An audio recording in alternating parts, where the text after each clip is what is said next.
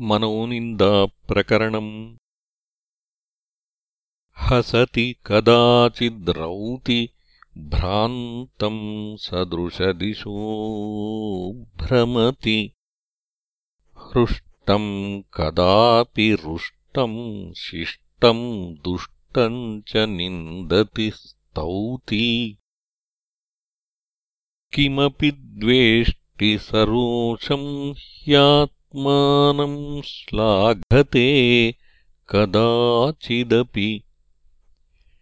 चित्तम् पिशाचमभवद्राक्षस्या तृष्णया व्याप्तम् दम्भाभिमानलोभैः कामक्रोधोरुमत्सरैश्चेतः आकृष्यते समन्तात्स्वभिरिव पतितास्थिवन्मार्गे।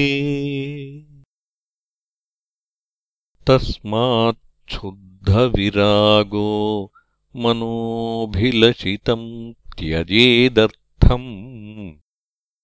तदनभिलषितम् कुर्यान्निर्व्यापारम् ततो भवति